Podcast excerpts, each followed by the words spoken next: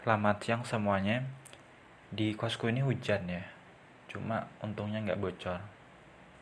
Jadi lebih nyaman. Nah, hari ini aku mau sharing lagi tentang kehidupanku yang tentang nilai-nilai yang masih terkait tadi. Yang pertama adalah stay minimalis. Aku sebulan ini menerapkan nilai-nilai minimalis artinya kayak mulai dari pola pikirku mulai dari apa yang aku pakai apa yang aku makan itu semuanya minimalis. Contohnya di kosku. Aku di kos tuh cuma punya baju empat celana dua. Kenapa begitu? Itu memaksa aku untuk nyuci terus setiap hari supaya rajin. Kalau laundry nggak mungkin masa aku nggak mandi? Hanya nunggu laundry gitu. Jadi harus nyuci setiap hari biar aku bisa mandi setiap hari. Ya kan? Gitu. Terus aku cuma punya satu piring satu sendok satu mangkok sama satu gelas. Karena aku cukup dengan satu itu ya udah. Aku cuma punya satu sepatu satu sandal jepit dan satu sandal sepatu semisal ke kampus sepatunya basah aku masih ada sandal sepatu. Semi formal sandal untuk ke mana-mana dengan suasana yang santai. Gitu. Terasa lebih luas sih. Minimalis itu misalkan ada sesuatu yang nggak terduga kita bisa menyelamatkan diri lebih cepat. Contohnya kayak tadi ya pagi ya. Kok naik transportasi umum aku cuma bawa tas isinya minum aku taruh di samping. Sewaktu-waktu kalau minum bisa ambil. Di dalamnya cuma ada dompet yang isinya identitas sama payung. Udah terus yang aku bawa adalah HP dan headset. Headset buat mengurangi kebisingan di transportasi umum. Aku bisa dengar musik atau podcast. Jadi orang tahu bahwa aku nggak lagi nggak mau diganggu atau diajak ngomong gitu. Dompet isinya uang dan kartu ya untuk jaga-jaga gitu.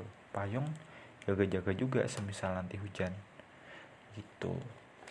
Terus kalau kuliah aku biasanya cuma bawa tas goodie bag itu. Isinya cuma payung dompet sama satu buku dan satu pulpen. Sesimpel itu. Karena buat apa kita punya banyak barang kalau nggak fungsional apalagi cuma buat pajangan. Mending satu barang atau dua barang tapi fungsional. Benar-benar kita pakai setiap hari. Kalau mau ngambil apa tinggal ambil.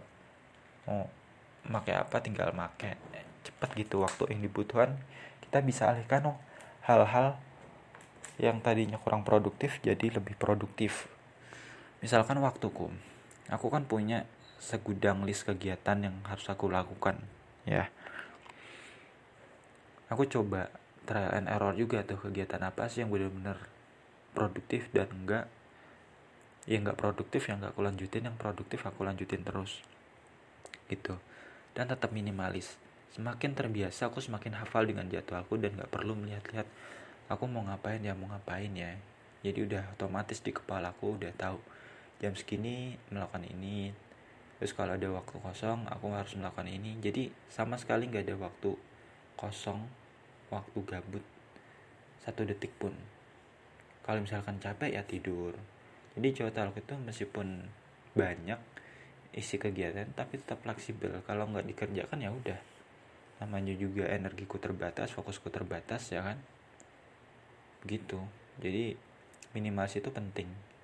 Yang kedua adalah kesederhanaan. Kesederhanaan ini relate banget sama minimalis. Jadi aku punya motor di rumah cuma nggak aku pakai. Aku lebih suka jalan kaki ke mana-mana. Toh aku juga nggak punya keperluan untuk pergi jauh. Lebih dari 2 km kalau masih bisa pun aku lebih baik jalan kaki selain sehat hemat uang. Toh aku juga nggak punya tanggungan kegiatan apa pun jadi bebas.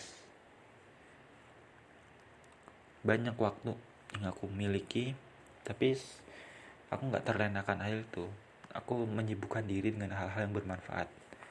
WhatsAppku nih ya itu sepi banget. Udah setahun ini setahun belakangan ini nggak ada yang ngecat aku. Maksudnya ngecat untuk hal-hal yang pribadi atau soal personal ya. Rata-rata cuma soal kuliah aja gitu loh. Soal skripsi aja. Itu pun aku yang chat duluan karena aku yang butuh bantuan mereka gitu. Tapi kalau untuk urusan personal hubungan romantis WhatsAppku sama sekali sepi sepi banget.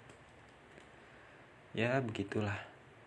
Aku orang yang cenderung nggak suka hubungan virtual karena itu nggak nyata. Kayak kita nggak bisa melihat gerakan mereka cuma via tulisan tuh rasanya kurang gitu tapi cuma itu yang bisa kita lakukan kalau virtual ya mau gimana lagi